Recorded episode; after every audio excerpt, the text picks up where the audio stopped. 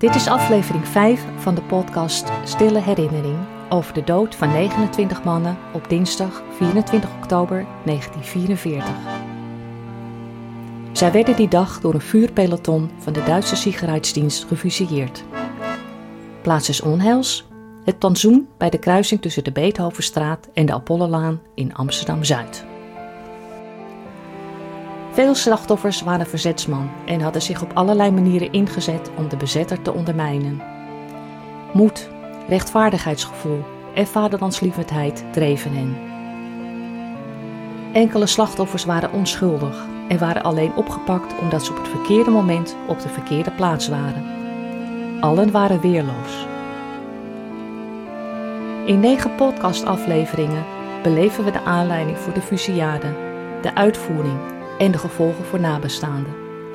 Ze zijn samengesteld op basis van feiten uit boeken, getuigenissen van nabestaanden, het Nederlands Instituut voor Oorlogs, Holocaust en Genocidestudies en het Nationaal Archief.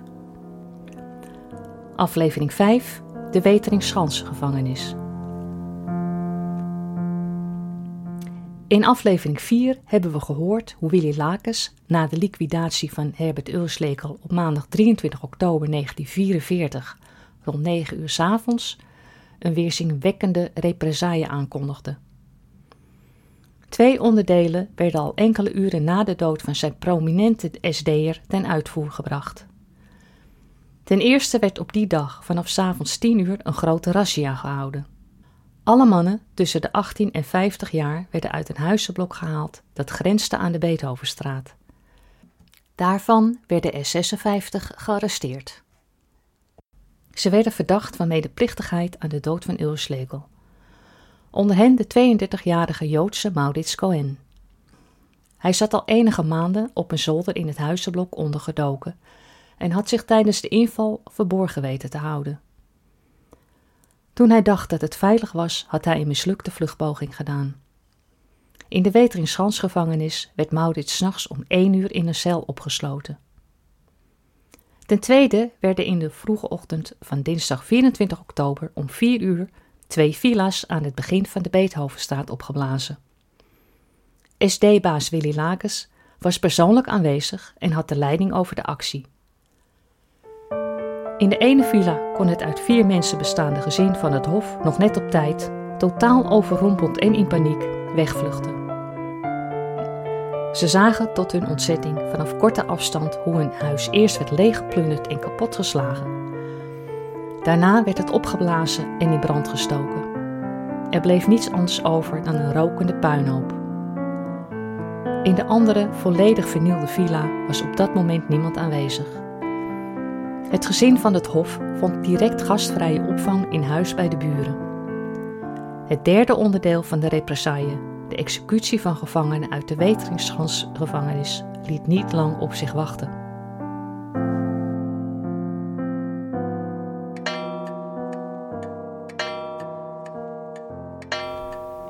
In de villa waar het gezin van het Hof is binnengevlucht, slaat de klok op de schoorsteen vijf keer.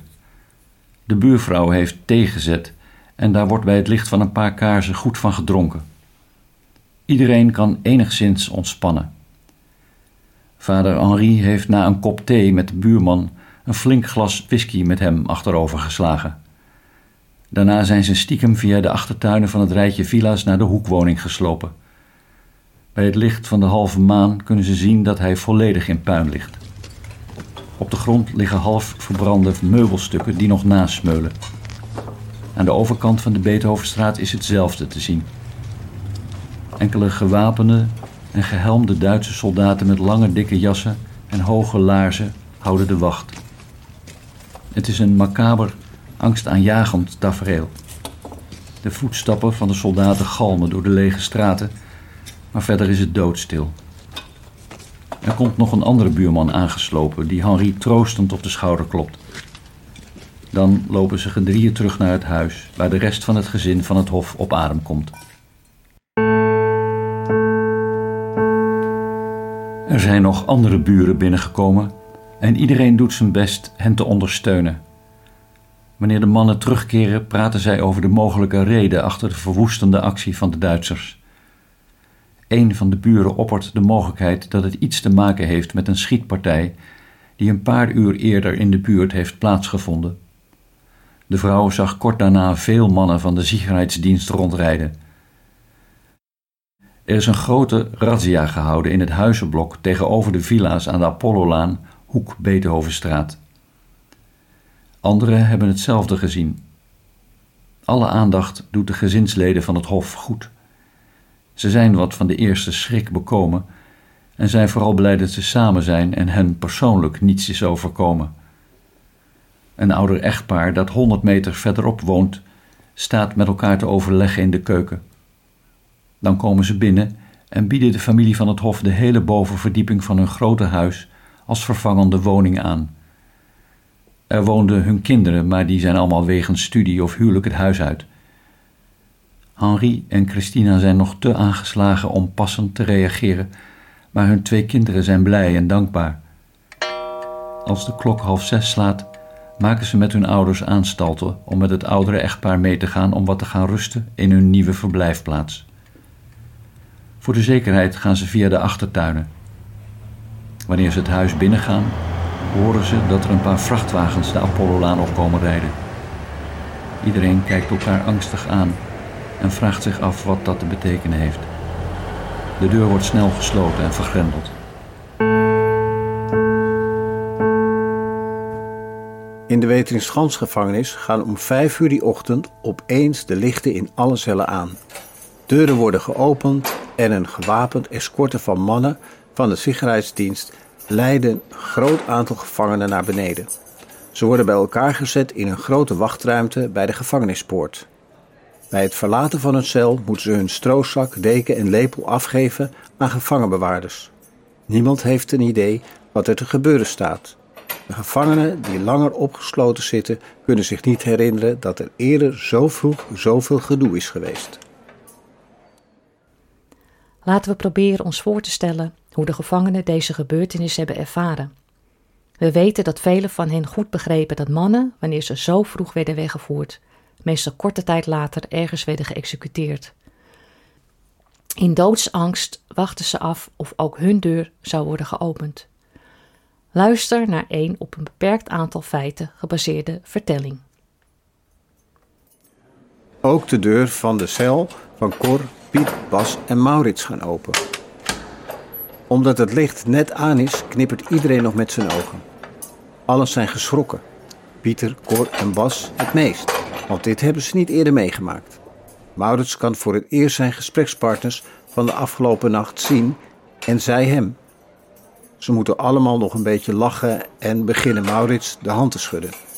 Het tafereel wordt wreed verstoord door een gevangenbewaarde die tegen de stroozakken begint te schoppen en Raus, raus, roept. Eén keer schiet zijn voet uit en raakt daarmee Bas. Die duikt meteen pijnlijk getroffen weg. Dat doet me leid, lieve. Bijt de bewaarder hem op sarcastische toon toe. Daarbij trekt hij Bas ruw aan zijn arm overeind. In enkele seconden staat iedereen naast zijn stroozak. Bas schiet snel weg achter Piet, die zich groot heeft gemaakt om hem te verdedigen. De gevangenbewaarder kijkt hem vol minachting aan en loopt de cel uit. Hij heeft, gelukkig voor Piet, geen zin in een confrontatie. Die bleef hem strak aankijken. Aanzien, klinkt het.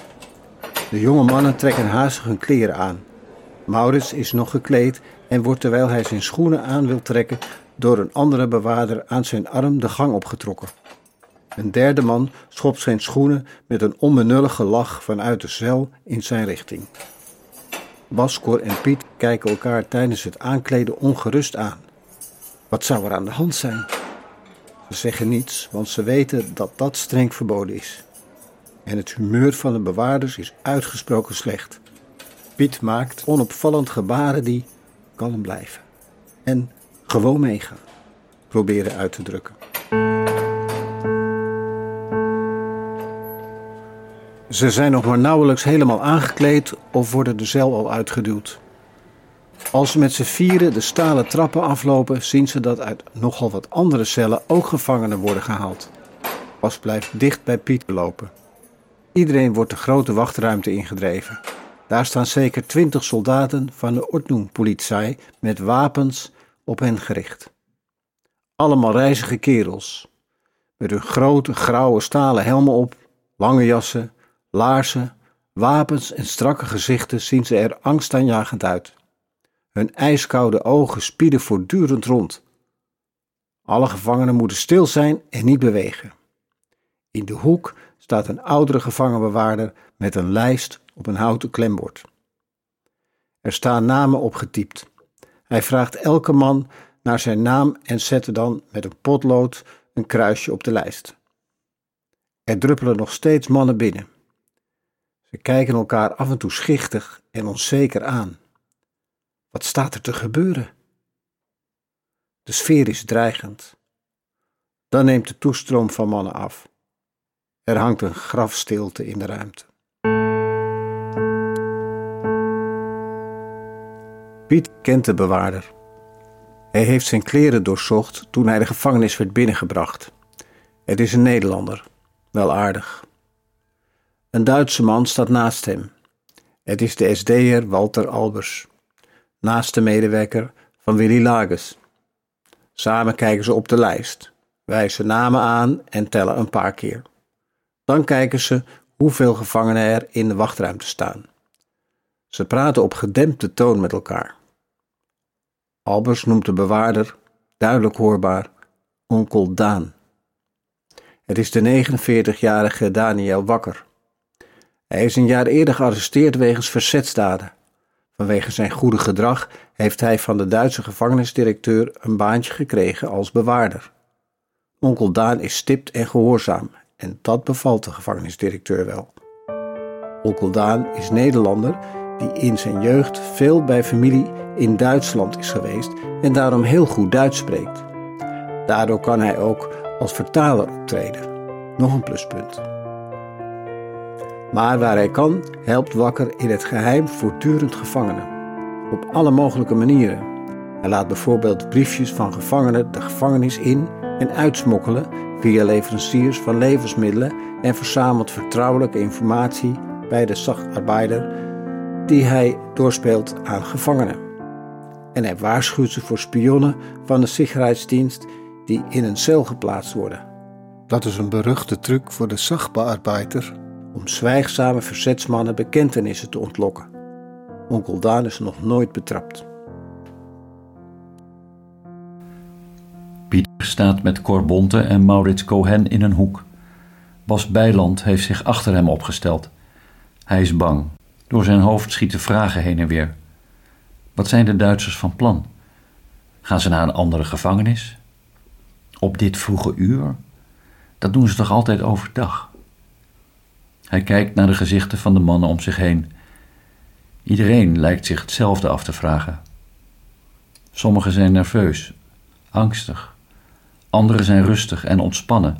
Een enkeling staat te bidden. Piet voelt een knagende ongerustheid in zijn lijf. Hij kijkt hoe Daniel Wakker en Walter Albers zich gedragen en wat ze doen. Misschien kan hij er een aanwijzing uit aflezen. Het lijkt erop of ze iemand missen. Er is al een paar keer een naam geroepen, maar er klonk geen present. Dan pakt Albers ongeduldig het klembord van de lessenaar en verlaat haastig de wachtruimte.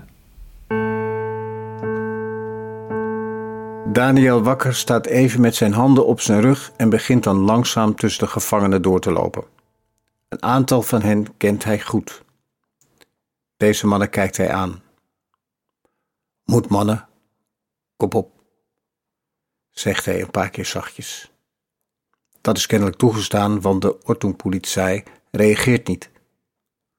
Maurits ziet dat sommige mannen bijna onzichtbaar met hun lippen in slow motion geluidloos woorden vormen wanneer wakker langs hen loopt. Op transport omdaan? Hij schudt duidelijk nee. Anderen vragen met grote nadruk: Waarheen? Hij geeft geen antwoord, maar herhaalt een paar keer: Moed mannen, kop op. Opeens vliegt de deur van de wachtruimte open en Walter Albers komt weer binnen. Daniel Wakker stapt direct op hem af en er volgt opnieuw kort overleg. Albers commandeert tenslotte hoorbaar: 29. Fangen Sie an, jetzt, snel! Dan gaat Wakker opnieuw achter de lessenaar staan. Albers stelt zich op in een hoek. Hij zegt luid en afgemeten: Miet fünf. Tegen wie is niet duidelijk. Uit een andere hoek klinkt een hard rammelend geluid. Het is een grote hoop handboeien die door een man van de Ordnungspolizei op een tafel bij de deur naar de uitgang wordt gegooid. Daniel zegt tegen de gevangenen dat hij hun namen op alfabetische volgorde gaat opnoemen. Hij wijst naar de soldaat van de Ordnungspolizei bij de handboeien. Hij zegt dat degene van wie de naam is genoemd naar die soldaat moet lopen. Meer niet. De spanning stijgt. Er staat iets te gebeuren. Hier en daar klinkt een diepe zucht, bijna jammerend. Bij sommigen begint zich lichte paniek in de ogen af te tekenen. Meer mannen lijken aan een gebed te beginnen. Piet voelt hoe Bas met zijn twee handen zijn arm stevig vastpakt. Zijn ademhaling versnelt, want de situatie voelt helemaal niet goed. Hij weet dat Bas bij hem in de buurt wil blijven en steeds banger wordt. Als in een galm hoort hij de eerste naam noemen. Even gebeurt er niets en dan begint een man langzaam richting de soldaat bij de handboeien te lopen. Als hij er is, wordt zijn linkerhand ruw vastgepakt. Er klinkt een raspend metalen geluid en een handboei wordt geroutineerd om zijn pols geklikt. Dan wordt de man door een andere soldaat met zijn gezicht naar de buitendeur gezet. Daar moet hij blijven staan. De volgende man wordt met zijn rechterhand aan de handboei van de eerste man vastgemaakt. Daarna krijgt hij een boei om zijn linkerhand. Intussen gaat de deur naar buiten open. Een koele wind waait de ruimte in. Piet kan er maar heel even van genieten, want hij voelt hoe Bas zijn armen om hem heen heeft geslagen en zijn hoofd op zijn rug legt. Hij voelt hem zachtjes snikken en wordt zelf ook door verdriet overmand. Met zijn beide handen pakt hij Bas' handen die om zijn middel klemmen stevig vast. Ze zijn kletsnat van het zweet. Piet klopt en wrijft erover in een poging Bas gerust te stellen, terwijl hij zichzelf grote zorgen maakt. Wat staat er te gebeuren? Tegelijk voelt hij een grote liefde en zorg voor Bas, die zich al zo lang zonder taal of teken van zijn ouders heeft moeten zien te redden. Door dit alles stijgt bij hemzelf de spanning. Hij herinnert zich dat Bas als achternaam Bijland heeft, een B. Piet zelf heet Zeilstra, een Z. Bas' naam zal zeker eerder genoemd worden dan de zijne. Dan zal Bas hem moeten verlaten. En hij hem. Piet probeert koortsachtig een list te verzinnen om hem bij zich te houden. Kan hij het onkel Daan vragen? Er komt niets kansrijks bij hem boven. Alleen gloeiende wanhoop. Buiten is het geluid van meerdere zware vrachtwagenmotoren hoorbaar. De mannen in de wachtruimte concluderen dat ze ergens heen zullen gaan. Maar waarheen dan? Waarom zo vroeg? Sommigen durven het zich niet meer af te vragen. Dan worden buiten de motoren afgezet en klinkt binnen de naam Bijland er gaat een schok door Pieters lijf. Het verzet zich en Pieter voelt dat zijn knieën trillen. Hij voelt zich misselijk worden. Dan gaat er in een flits de vraag door hem heen wat zijn vader in deze situatie zou doen. Uit het niets daalt rust in hem neer. Hij voelt hoe zijn lichaam zich wat ontspant terwijl hij zich omdraait naar Bas. Hij omhelst hem en aait hem over zijn hoofd. Dan pakt hij hem bij zijn schouders en beweegt hem richting de soldaat bij de handboeien. Bas biedt geen weerstand en schuifelt mee. Hij kijkt om naar Piet die hem los moet laten. Hij is lijkbleek en loopt traag verder door. Zijn ogen zijn rood, staan vol tranen en zijn gezicht is nat. Pieters hart breekt. Hij maakt aanstalten om naar Bas toe te lopen om hem nog eens te troosten. Maar een andere soldaat stapt energiek naar voren om hem terug te duwen op zijn plek. Dan klinkt het uit de mond van Daniel wakker onverbiddelijk en luid: Las zie. De soldaat houdt in en kijkt naar Walter Albers. Die reageert met een nauwelijks zichtbaar hoofdgebaar, waarop de soldaat terugtreedt. Piet slaat zijn arm nog eens om Bas heen en bromt geruststellende geluidjes. Waar hij ze vandaan haalt, weet hij niet. Samen schuifelen ze verder. Bij de deur staan drie geboeide mannen. Piet en Bas zijn ze dicht genaderd. De handboeierman pakt de boei om de hand van de derde gevangene en steekt zijn hand uit om de rechterhand van Bas te grijpen. Piet weert hem af en pakt zelf rustig de hand van Bas en laat dan de handboei door de man vastmaken. Piet draait Bas naar zich toe en kijkt hem vol liefde en mededogen aan. Flink zijn, wees een grote vent, fluistert hij terwijl hij hem nog eens over zijn bol aait. Zijn stem verstikt in tranen. Bas' ogen lichten even op. Hij herinnert zich deze woorden van zijn vader toen hij hem voor het laatst zag. Hij voelt de kracht in zichzelf die hij nog niet eerder heeft ervaren. Hij richt zich op en haalt een paar keer diep adem terwijl hij Piet blijft aankijken. Er schijnt een vage glimlach over zijn gezicht als Pieter hem loslaat en terugloopt naar de plek waar hij stond. Ondertussen klinkt de naam van de vijfde man. Wanneer hij aan Bas' linkerarm is vastgemaakt, wordt het groepje door een paar soldaten door de deur naar buiten gedreven.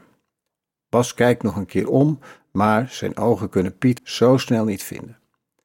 Hij wordt voortgeduwd en wordt met anderen de eerste vrachtwagen ingeduwd. Bas voelt zich sterk en onafhankelijk.